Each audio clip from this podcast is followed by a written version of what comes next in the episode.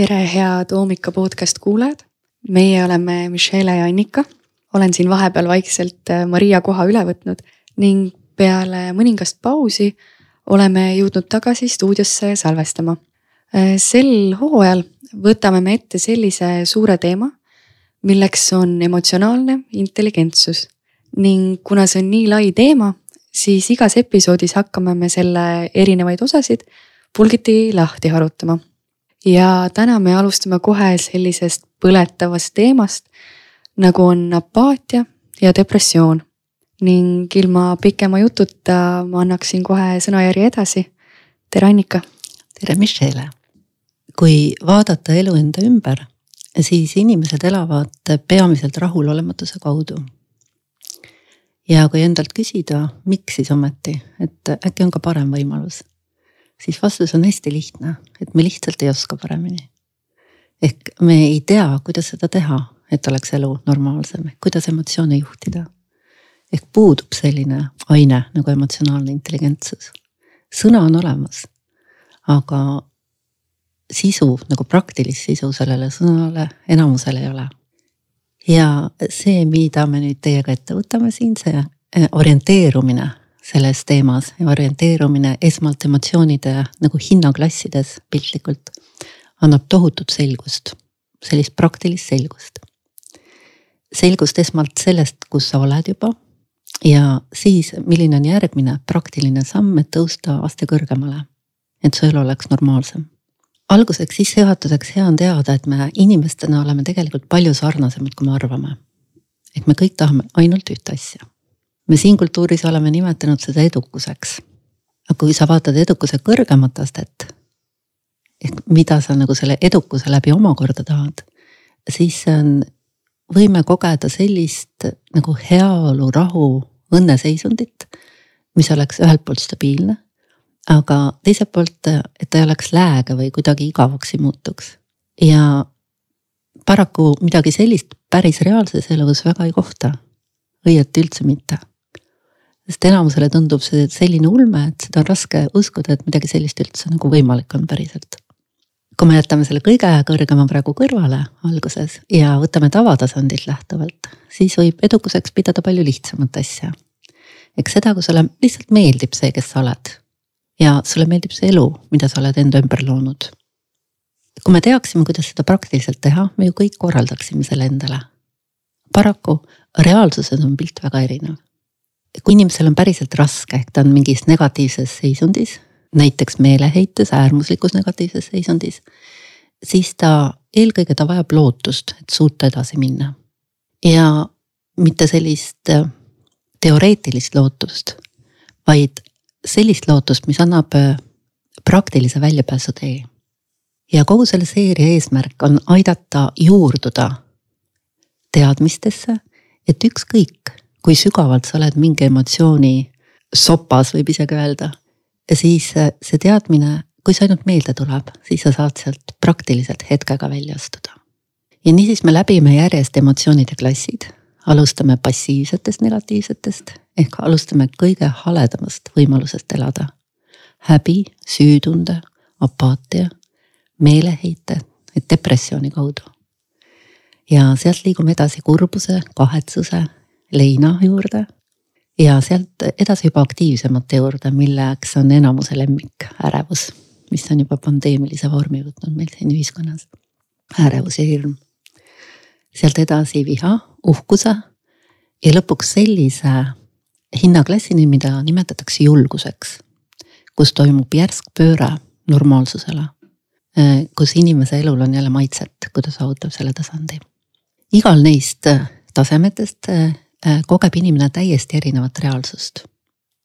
ehk talle tundub, et maailm ongi selline ja tal ongi ainult need piirangud ja need võimalused, mis talle seal tunduvad olevat inimesed lukustuvad elu jooksul teatud energiate või emotsioonide tasemele, harjuvad sellega ja hakkavad paraku pidama seda ainuvõimaluseks ja seda nimetatakse iseloomuks.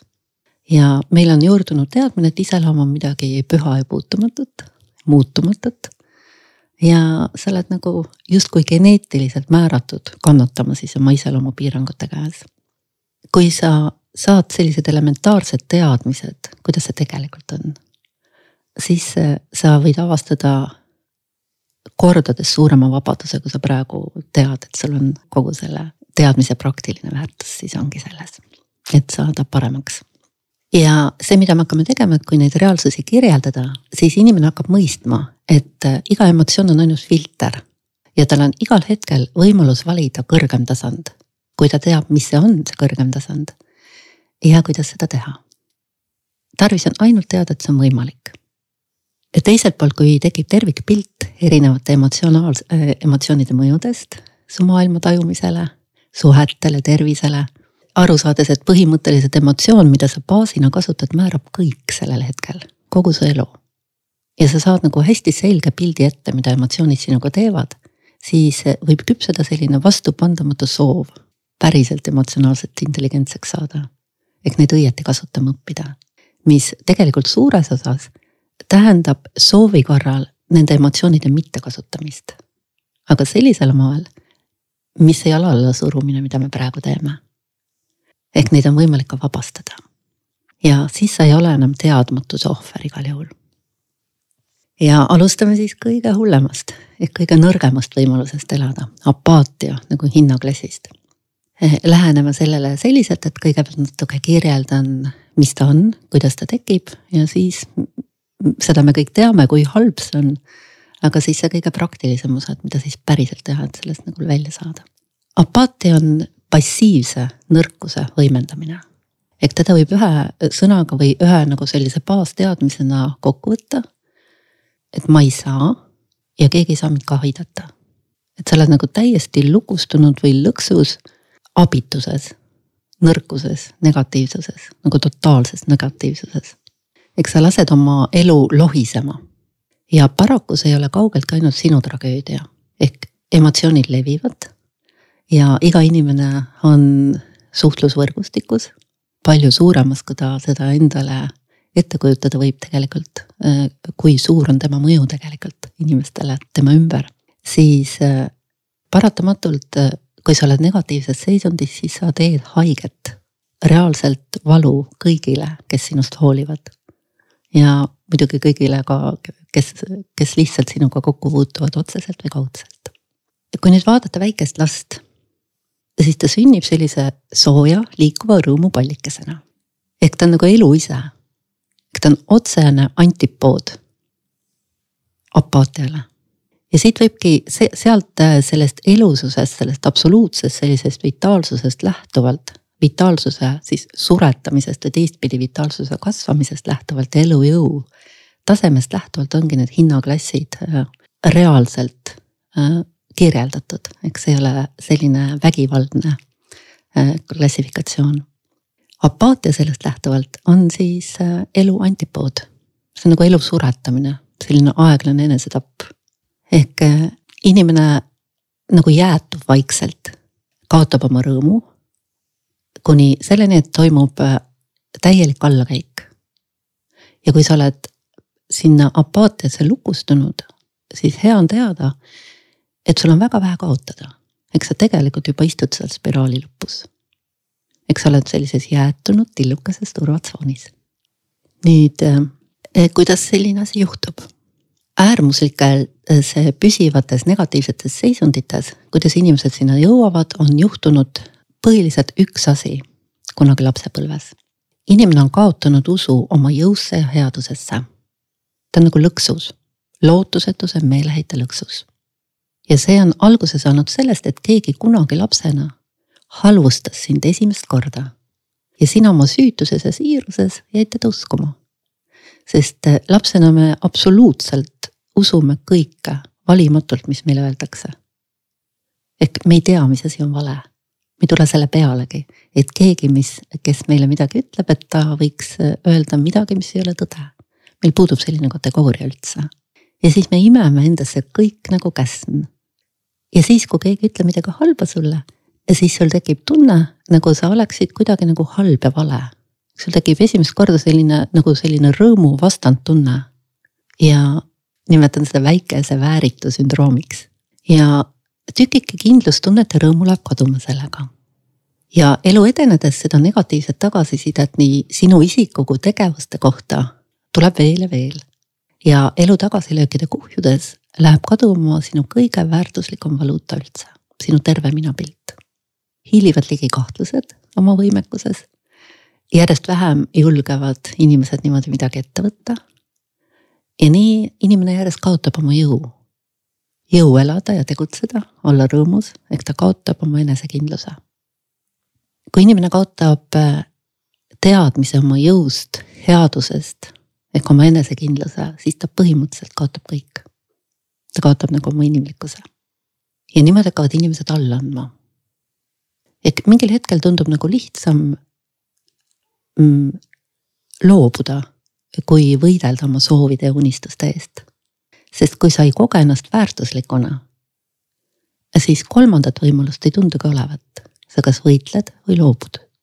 ja siis seda püütakse kompenseerida kõige välisega, et mingitki sellist heaolutunnet saada, sest inimene ei suuda elada, kui tal on nagu halb olla kogu aeg. Ja väga tihti saab selleks midagi head. ja kõige lihtsam asi, mis on hea, mis on alati kättesaadav, on mingi paluke. paraku ükski amps, mida sa siis äh, haarad, mille järgi sa haarad, ei ole võimeline täiuslikult leevendama seda sisemist valu. ja siis suurenevad kogused ja sealt omakorda tuleb kogu see teema ülekaalu söömishäiretega. siis omakorda veelgi madalamaks minev enesehinnang, sest kaob välimus. ehk täielik sihuke allakäigu nõiaring. aga seda heaolu ja õnne, mida sa otsid, ei paista kuskilt. ja niimoodi inimene siis viskleb ja otsib ja viskleb. kuni taipab, et sellel ei ole mitte mingit mõtet. sest see tühjuse ja väärtusetuse tunne ei kao mitte kuhugi. et kõik lapid ja plaastrid on hästi lühiajalised. ja inimene annabki alla. Ehk kokkuvõtvalt ainult see üks uskumus ja tunne, et ma ei ole piisav, ma ei ole väärtuslik. ma ei ole piisavalt hea, loob terve kannatuste kadalipu. ja siis selle filtri kaudu kogemus elus saab üleni valus ja vildakas. ja äärmuslikul juhul kasvab see enesevihkamiseks ja päädub suitsidaalsusega. läbides siis eelnevalt erinevaid selliseid enesehävitusspiraale ja kes oskaks paremini kirjeldada seda kui inimene, kes on ise läbinud kõik selle pimedusastmed. ehk mul endal, minu kogemuses, mul on olnud tilluke periood, mis ei ole nagu päris mm, seal pimeduse lõplikus tipus olnud. aga perioodil, kus ma õppisin emotsioonide vabastamise õpetajaks, siis üks minu õpingukaaslane Gertriin Petrov on selle kõik läbinud väga pikalt ja ta lubas jagada oma kogemust sellel teemal, ehk ma tsiteerin tema kirjeldust. tsitaat algab. enesevihkamine ja väärtusetus on tegelikult metsik sisemine valu, mis võib paisuda hiiglaslikuks. et isegi karjumine ei aita enam. väljast võib tulla ka kõige pisem negatiivne kommentaar, aga kui see kinnitab seda, mida sa enda kohta arvad, käivitab see enesehävitusliku ringi.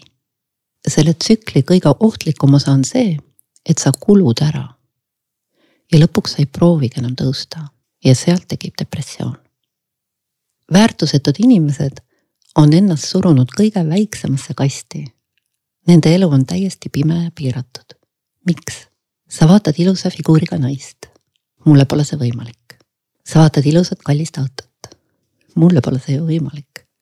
sa vaatad mingit välisreisi. aga mulle pole see ju võimalik ja nii sa ei liigugi mitte üheski suunas. samuti on depressioonis inimesed kroonilised valetajad, sest nad peavad pidevalt varjama seda, mis jama nende sisemaailmas toimub. muidu jookseksid ju inimesed minema. tsitaadi lõpp. päris karm kirjeldus, kas pole? ehk siis, kui neid tagasilööke kuhjub teatud kriitilise piirini, kaob meil ära visioon, eesmärk ja mõtestatus ja siis tekib tunne, et mis mõte sellel kõigel üldse on. kui niikuinii ma ei saa seda, mida ma päriselt tahan. inimene hakkab defineerima ennast negatiivses kontekstis järjest laiemalt. ja ta kaotab ka kontakti nende osadega, mis tegelikult tal on tugevad. ja vaikselt niimoodi ligi hiilib tuimus. passiivne minnalaskmine, elule allaandmine, pointless, nagu täielik pointless elu ja siis inimene tunneb, et ta on kogu aeg lõputult süüdi kõiges siis ta nagu vabandab kõike ja kõike. ja samas avalikult või salaja enda sees tegelikult ka süüdistab teisi ja elu enda ümber. et miks just temaga on niimoodi juhtunud. kokkuvõtvalt võib öelda, et apaatia on kindel veendumus, et ma ei saa, kõik on läbi, rong on läinud ehk totaalne ohvriseisund, sihuke äärmuslik ohver. mis siis päriselt aitaks? nüüd tegelik ravi on saada teada, et emotsioone saab vabastada enda seest. omakorda selle alus on teada, et sina ei ole emotsioon. ehk sina looduslikult, naturaalselt oled emotsioonist täiesti eraldiseisev ja emotsiooni poolt kahjustamatu ja kui sa selle teadmise saad, siis äh, tuleb edasi leida endas selline julgus oma valudele silma vaadata siis reaalselt äh, tegutsema hakata sellel teemal. kui inimene on nagu päris selle äh, allakäiguspiraali lõpus, siis tihti ta on nii kehvas seisundis. et öelda talle, et mine nüüd kursustele ja õpi ära see vabastamise tehnika, see tegelikult ei ole reaalne, mida ma ise olen oma kogemuses oma õpilastega näinud. eks siis enne seda ja ka paralleelselt sellele on väga mõistlik kasutada selliseid, nimetan nagu enda poputamise tehnikateks. ehk igal võimalikul moel avastada kõikvõimalikud nagu toite ja tugevuse allikad, mis elul pakkuda on igal tasandil ja omakorda hakata võimendama neid. üldse aru saades, et sul on sihuke võimalus. Ehk ma olen neid nimetanud nagu siukse eluliini praktikateks, ehk mingid absoluutsed, äh, võtta endale teadmiseks, lihtsalt saada teada mingid absoluutsed tõed, millele saab toetuda igas kriisis, eks sa võtad nagu õlekõrrest või eluliinist hoiad kinni ja lahti ei lase, enne kui see veab su välja.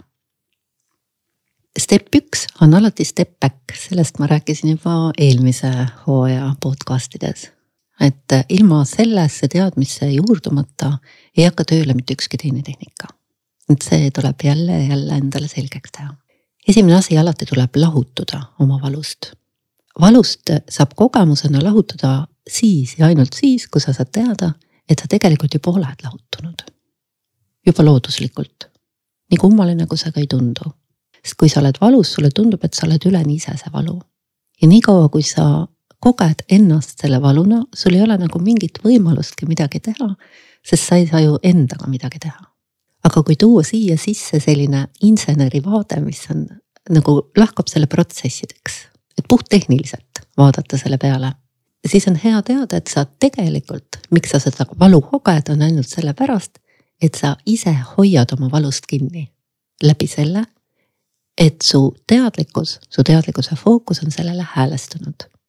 Esialgu võib tunduda hästi teoreetiline aga kui sa tehniliselt sellele pihta saad, mis ei ole üldse keeruline, siis see annab sulle tohutu vabadusastme. ja sealt edasi hakkab hargnema kogu siis üleskäiguspiraal.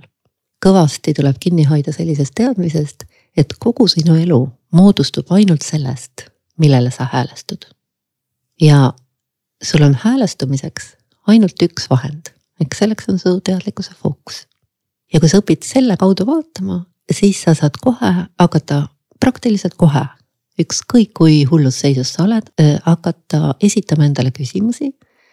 kuidas sa saaksid oma fookus sellest valust, mida sa koged, välja häälestada millelegi natuke paremale ehk nat-, natukenegi saada jõudu juurde.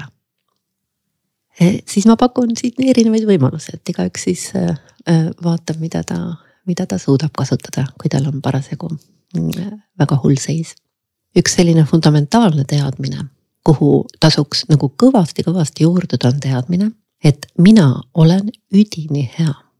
see lause, kui sa oled apaatias või depressioonis, see tundub absurdne. kui sul on terve elu äh, sisestatud täpselt vastupidist, sa pead ennast üdini halvaks ja läbikukkunuks, siis on hea teada, et see päris sina ei ole mitte ühelgi moel kahjustatav või muudetav mitte ühegi kogemusega, mitte ühegi emotsiooni poolt. ja nagu see point, miks sa seda reaalselt ei koge, on see, et lihtsalt mitte keegi ei ole sulle seda õpetanud tegema, see on nii lihtne. siit tulebki see praktilise tarkuse selline nagu jõud, et kui sa saad seda lihtsalt teada, saad teada, kuidas seda kogeda, siis see annab sulle väljapääsutee ja seda samal hetkel, kui sa seda taipad teha. Ja see ei ole enesesisendus, ega afirmatsioon. ega mingi lillelaste luul, vaid see on absoluutne fakt, see lihtsalt on. seda teadmist saab kogeda ja see on juba see, see on selline juurtugi, see ei ole mingi väike asi. ehk veel kord siis, et oleks hästi selge, et mul on apaatia, mitte mina ei ole apaatia, ükskõik mis teine siis negatiivsus. ehk ma kogen apaatia energiat, see on hästi suur megaerinevus. nüüd, et ennast kogeda, selleks on vaja lihtsalt teada, et sina oled siin, sa juba oled olemas. et kui sa esitad endale küsimuse, kas ma olen olemas lased korra kõigest lahti, siis sellesse küsimusse kätketud soov toob su fookuse sellelt valult, millele sa hetkel oled häälestanud, vaikselt tõmbab tagasi iseendasse sinna, kus kus sa koged ennast olevat. Ja kui sa nüüd häälestad ennast iseenda kogemusele, eks see on ainus kogemus, mis on siin.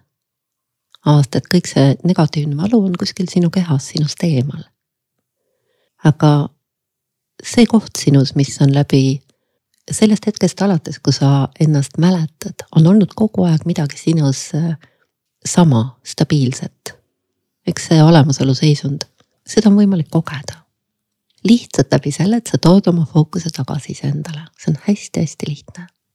et sinna püsima jääda, eh, selleks võib kasutada, äh, erinevad vaimsed tehnikad on kasutanud läbi aegade Äh, hingamist. nii palju, et nad seostavad selle soovi hingamistsükliga.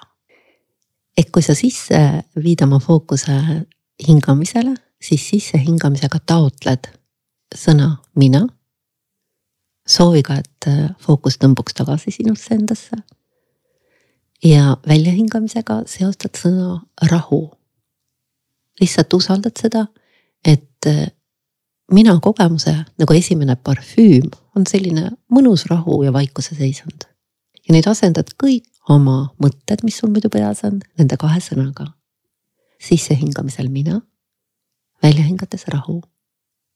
Sisse hingates teadvustad, et su fookus jääb tagasitõmbunuks ja välja hingates häälestad ennast rahu kogemisele, kes sa ise oled. eks sa ei pea seda looma, see ei ole afirmatsioon ja niimoodi vaikselt harjutades, juba isegi kui sa proovid seda teha, piisab ainult sellest väikesest äh, vihjest siin.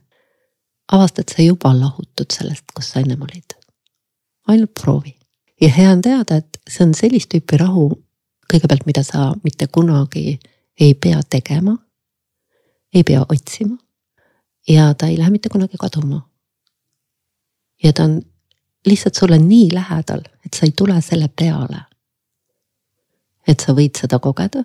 ja isegi kui sa vahest, enamus inimesi nagu komistab selle otsa. mina lapsepõlves komistasin palju kordi, ma mäletan, aga see ei, see ei tule nagu selle peale, et see võiks mingi väärtus olla.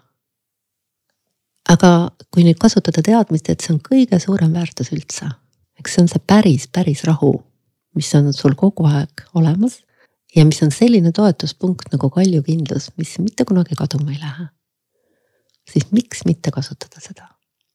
kui äh, kasutada veel teist teadmist, eks see rahu on baas, millest lähtuvalt sa saad võimekuse kõike enda elus juhtima hakata, sealhulgas kõiki energiaid, kõik hakkab sulle alluma, sa pead ainult saama teadmist, kuidas. siis on juba nagu hoopis palju suurem point seda tundmaõppimisel. et seda saab igaüks kasutada. nüüd äh, järgmine asi, mida ma soovitan teha, on äh, totaalselt otsustada, lõpetada süüdistamine. ja seda otsust äh, saab teha jälle ühe baasteadmise kaudu. praktiliselt kõik targemad inimesed maailmas nagu üle võlli targad inimesed on jõudnud ühe faktini. ta on kirjeldatud väga erineval moel, aga fakt on selline, et iga inimene igal hetkel oma elus saab teha ainult oma parima valiku. ja see valik on ainult ühest lähtepunktist lähtuv ainult sellest, mis tundub talle sellel hetkel kõige parem ehk teda kõige õnnelikumaks tegev. kuna iga inimese baaseesmärk on olla õnnelik, mitte midagi muud. Eks selles me oleme nagu identsed kõikidega, me ei taha, me ei taha mitte midagi muud kui olla õnnelikud. siis me teadlikult või alateadlikult teeme ainult kõiki valikuid sellest lähtuvalt. et kõikide meie tegevuste motiivide juurmotiiv on lihtsalt olla õnnelik. ja siis vastavalt meie õpetatusest, vastavalt meie teadmistest, tarkusest, kogemusest lähtuvalt meil võib see võtta, see motiiv kohutavalt nagu drastiliselt äh, hullud vormid. Kui keegi varastab midagi, siis talle tundub see hetkel kõige parem võimalus, kuidas oma õnnetaset suurendada.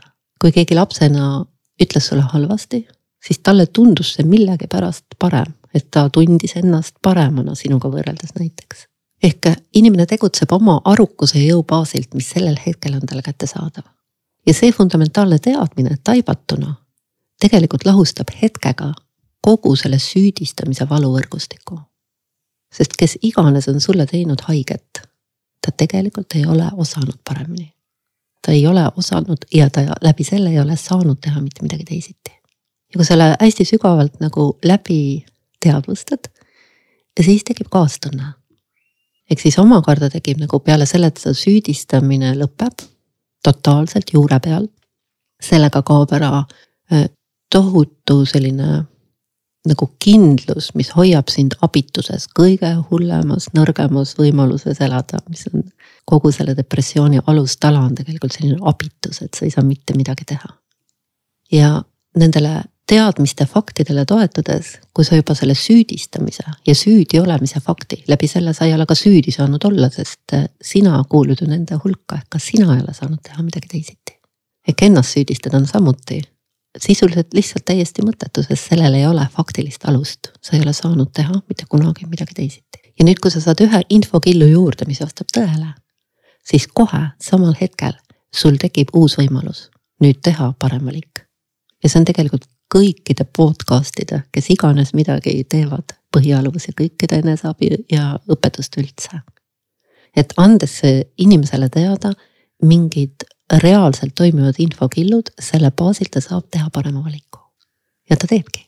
et need on sellised juba juur sellised äh, abid, ei ole väike abi enam.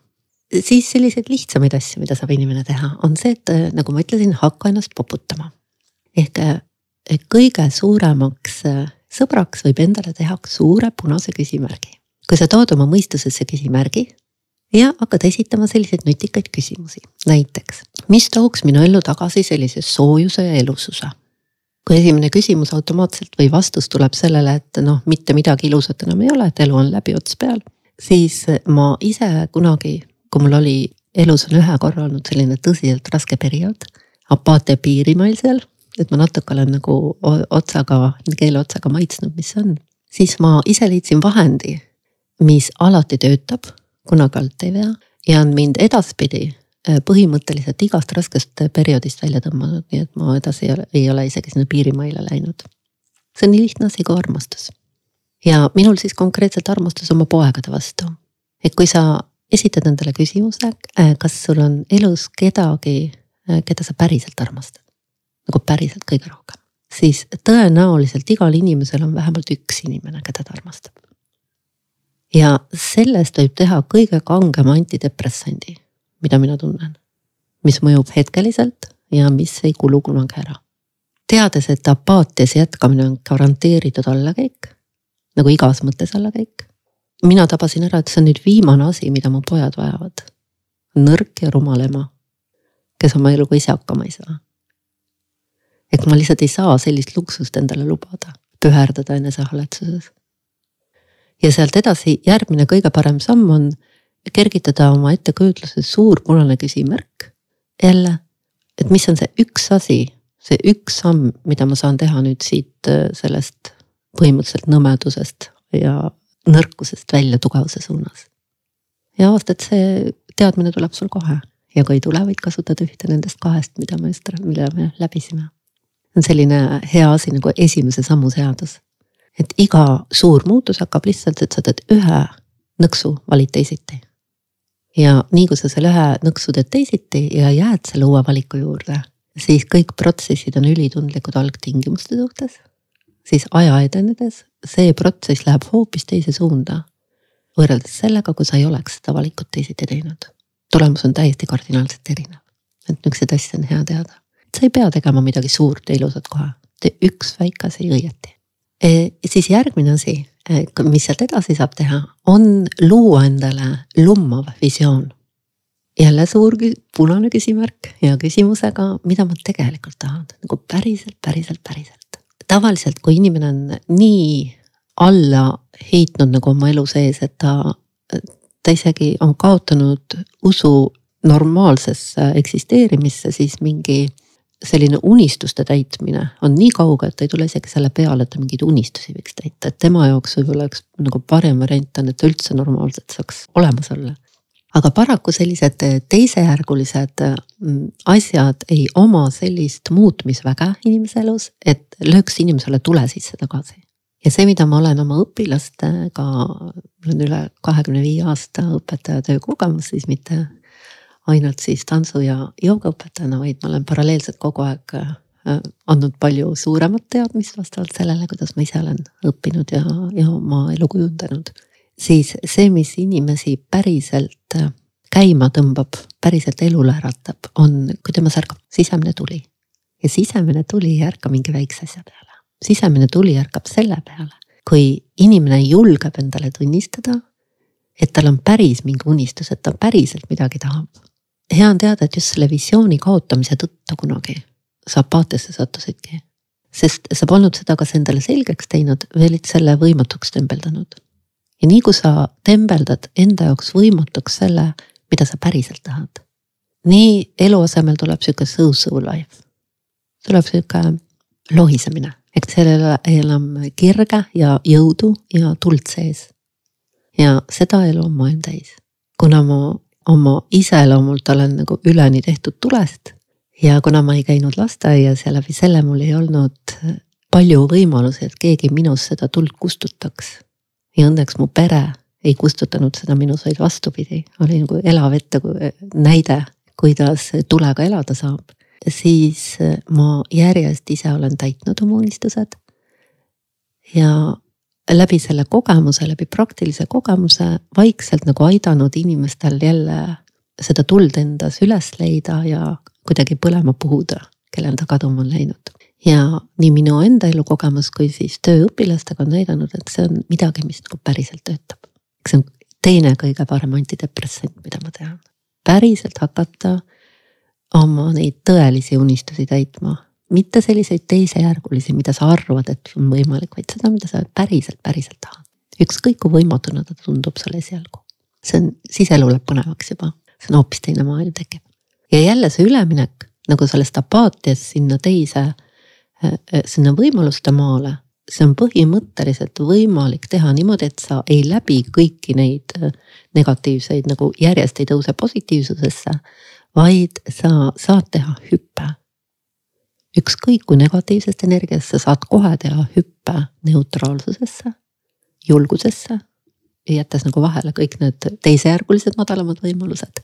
ja läbi teadmist on võimalik teha väga kiire väljahüpe, nagu seitsme penikoorma väljahüpe kõige valusamatest apaatiaseisunditest ja siis, kui sa natuke nagu õpid seda tegema, siis võib tekkida nagu teistpidi, et joh, ei tea, et nagu miks ma seda varem ei teinud, aga lihtsalt ei teadnud, jälle siit omakorda ei ole mõtet ennast süüdistada. ehk kui sa praegu oled juba apaatias, eks oled juba põhjas, sul kaotada pole midagi, see on omakorda nagu hea uudis. siis äh, äkki prooviks teist äärmust. ja jälle punane küsimärk, et mida ma, milline ma peaksin olema. et ma endale päriselt meeldiksin. et võid avastada, et tegelikult kõikide nende unistuste, mis iganes sul on, üks ühisosa on see, et kui sa ennast selles ette kujutad, siis see on selline koht, kus sa iseendale isikuna meeldid apaatia jälle, selle vastandina on just see koht, kus sa nagu peaaegu et põlgad ennast, see on enese põlgamine, enese vihkamise seisund. kui vanasti depressioon ja apaatia olid põhiliselt keskea kriisi teemad. kus inimene on justkui kõike maitsnud, kõike teinud, kõike näinud ja avastanud, et seda lõplikku õnne ta ikkagi kuidagi leida ei oska ja siis ta kaotab nagu usu endasse ja oma võimetesse, aga ta enne vähemalt proovib aastakümneid. aga praegu on asi nii hulluks läinud, et see on jumala tavaline noortel mis enam üldse ei ole okei okay.. et sellepärast on võib-olla see aeg praegu on okei okay. nüüd järgmine selline abivahend, enda poputamise vahend on selline äh, praktika või meetod, mida ma olen, ma olen lihtsalt pannud omad nimed sinna, sellepärast need on kuidagi välja äh, kujunenud loomulikult läbi töö siis õpilastega. olen nimetanud seda triumfikaareks. olen teinud sellest omaette sellise meedika, mida me võime ka siin salvestada teiega, et, et see on väga-väga palju aidanud inimesi, mind ennast ka. point hästi lihtne. et ükskõik kui halvasti sa endast ka ei arva, siis mitte keegi ei ole üdini halb. mitte kellegi elu pole kunagi täielik läbikukkumine. ja hästi lihtne on kaotada oma jõud, kui sa keskendud pettumustele. aga hea on teada, et inimese psüühikas on igal emotsioonil on oma vastand. Igal jõul on võrdne vastupidine jõud. elu on niimoodi üles ehitatud. et kui sa oled hirmul ja ärev, siis tegelikult on sinus ka julgust olemas kui sa tunned praegu, et sa vihkad inimesi, siis tegelikult sinus on heatahtlikkus olemas. sa oled selle nagu maha materdanud või äh, alla surunud endas. mingil kummalisel moel me surume ka positiivseid asju alla, mitte ainult negatiivseid. me nagu ei usu sellesse enam. kui sa tunned, et sa oled ihne ja kooner, siis tegelikult on sinus ka heldust ja suuremeelsust. ehk me oleme läbi selle, et meid on halvasti koheldud, meil on halvasti öeldud, me oleme nagu alla surunud kõik ilusa ja tugeva enda iseloomust, meil on see kõik alles iga inimese elus on juhtunud midagi head. iga inimesel on mingi omadus, mille üle rõõmu tunda. igal inimesel on keegi, keda ta armastab. ja päris palju neid inimesi tegelikult, kes teda armastavad. tal läheb see kõik meelest ära, kui ta on seal abituses. selle asemel, et keskenduda kõigele, mis on nõrk ja abitu. vaikselt hakka välja tooma ükshaaval kõiki neid asju, mis on tugev, hea, armastav, õige, normaalne. lihtsalt hakka üles kirjutama see on omaette sihuke terve metoodika, kuidas seda saaks teha paremini, aga esialgu võib-olla praegu tänaseks piisab, hiljem me tuleme selle juurde tagasi, see on nii tore praktika. ja siis paari sõnaga lõpetuseks ma räägin siis sellest päris lahendusest, mis siis selle probleemi juurelt maha võtab lõplikult, nii et ei tulegi enam tagasi. kaheksakümmend aastat tagasi, aastal tuhat üheksasada viiskümmend kaks avastas Ameerika füüsik ja ärimees Lester Levenson, et allasurutud emotsionaalne valu mis oli viinud ta sellisesse seisu, et arst saatis ta neljakümne kahe aastaselt äh, fataalse diagnoosiga koju surema. et seda valu on võimalik vabastada. paraku tihti alles siis tekivad nagu tõelised läbimurded inimeste eludes, kui need on päriselt nurka surutud, ehk kui neil pole enam midagi kaotada. Ja ta hakkas kasutama täpselt seda, mida ma teile pakkusin välja, suuri küsimärke. mida ma üldse tahan, mis on minu osa siin, mida ma saan teha leidis hästi lihtsa asja, ta tahab ainult olla õnnelik. õnnelik ta on ainult siis, kui ta kogeb armastust voolavat enda sees. ja kõik see, mis on teda teinud haigeks, on see, mis on armastuse vastand, mis ei ole armastus. ja füüsikuna ta oli väga huvitatud kvantfüüsikast ja väga teadlik sellest, et kõikide asjade süvenedes ükskõik millesse, sa leiad lõputu ilu, lõputu harmoonia lõputu geomeetria ja lõputu tühjuse, lõputu teadvuse. ehk kõik asjad oma sügavuses jooksevad ühte kohta kokku. ja siis ta lihtsalt proovis, et kas, et kui ta teeks täpselt vastupidi, mida ta on teinud praegu allasurumisele. ehk kui sa alla surudes oma fookusega nagu tõmbad kokku selle emotsiooni ümber ja lükkad ta sisuliselt alla, aga sa teed seda nii kiiresti, et sa ei pane seda tähele, kuidas see käib eks suund on alla ja pingestumine. aga kui teha täpselt vastupidi, ehk kui teha üks suur selline nagu welcome, sihuke lõdvestumine ja lubada emotsioonil tõusta ülesse. nagu vaatad teda armastusega. lubad tal endast läbi minna ja teadvuse ruumi vabaneda. Ja avastad, et kui sa vaatad emotsiooni armastusega, siis emotsioon hakkab ise transformeeruma. tõuseb mööda lilisemast ülesse ja ühineb teadvusega sest emotsiooni kõige sügavam tasand on samuti teadvus. ja nii ta järjest siis äh, vabastas neid emotsioone kolm kuud järjest, sai ennast täiesti korda. sai palju kaugemale kui täiesti korda ehk saavutas selle täieliku õnneseisundi. ja siis tal oli kaks õpilast, Heil Dvoskin, äh, kellest lähtuvalt siis tekkis see Donna meetod ja Larry Crane, äh, kelle edasiarendusena tekkis release tehniik ja need meetodid on levinud üle maailma, aidanud miljoneid, ma arvan, praegu juba. ja üks nendest meetoditest, kolme küsimuse meetod, neid on tegelikult kuus, kirjeldatud seal erinevaid. Eh, jõudis Marshall Govindani kaudu, kes liitis selle Kriia yoga teisaldme pühitsusele ka Eestisse, suurusjärgus viisteist, kakskümmend aastat tagasi. ja kuna eneseabimeetodid on kõigile vabalt kasutatavad, ei kuulu autorikaitse alla ja teiselt poolt ka Lesteri soov oli, et see võimalikult laialt leviks, inimesed abi saaksid. siis on seda väga laialt kasutatud eneseabiprogrammides üle maailma, et ei ole vist kohta maad, kuhu ta levinud ei oleks. et eh, see on eh, selline meetod, mida praegu kasutatakse siis väga palju, eh, mida ma maailmas olen nüüd, kuna ma ise olen õppinud emotsioonide vabastamise õpetajaks. minu õpetaja Ingvar Villida on loonud programmi selleks Eh, siis ma olen ka uurinud, mis maailmas leida on sellel teemal ja praegu mm, väga palju siis kasutab praktilise epigeneetika õpetaja Joe Dispenza. samamoodi emotsiooni vabastamist mööda lülisamast ülesse. Transformatsioonimeetodit ja siis teist meetodit, mis on ka väga levinud üle maailma, on tagasiandmise meetod. aga nendest siis hiljem. et kui sa leiad endas juba nii palju jõudu, et päriselt ära õppida siis emotsiooni vabastamise tehnika, siis äh, palun tule kursusele, et neid on, ta on igal pool saadaval. ma arvan, et aitab tänaseks. väga selline praktilisi teadmisi täis, et äh, igaüks leiab endale midagi sellist, et kuidas päriselt oma elu hakata paremuse poole juhtima. aga aitäh, Annika. ja šana. nüüd meil on olemas selline hea baas, millelt me saame järgmistel episoodidel edasi minna. aitäh. aitäh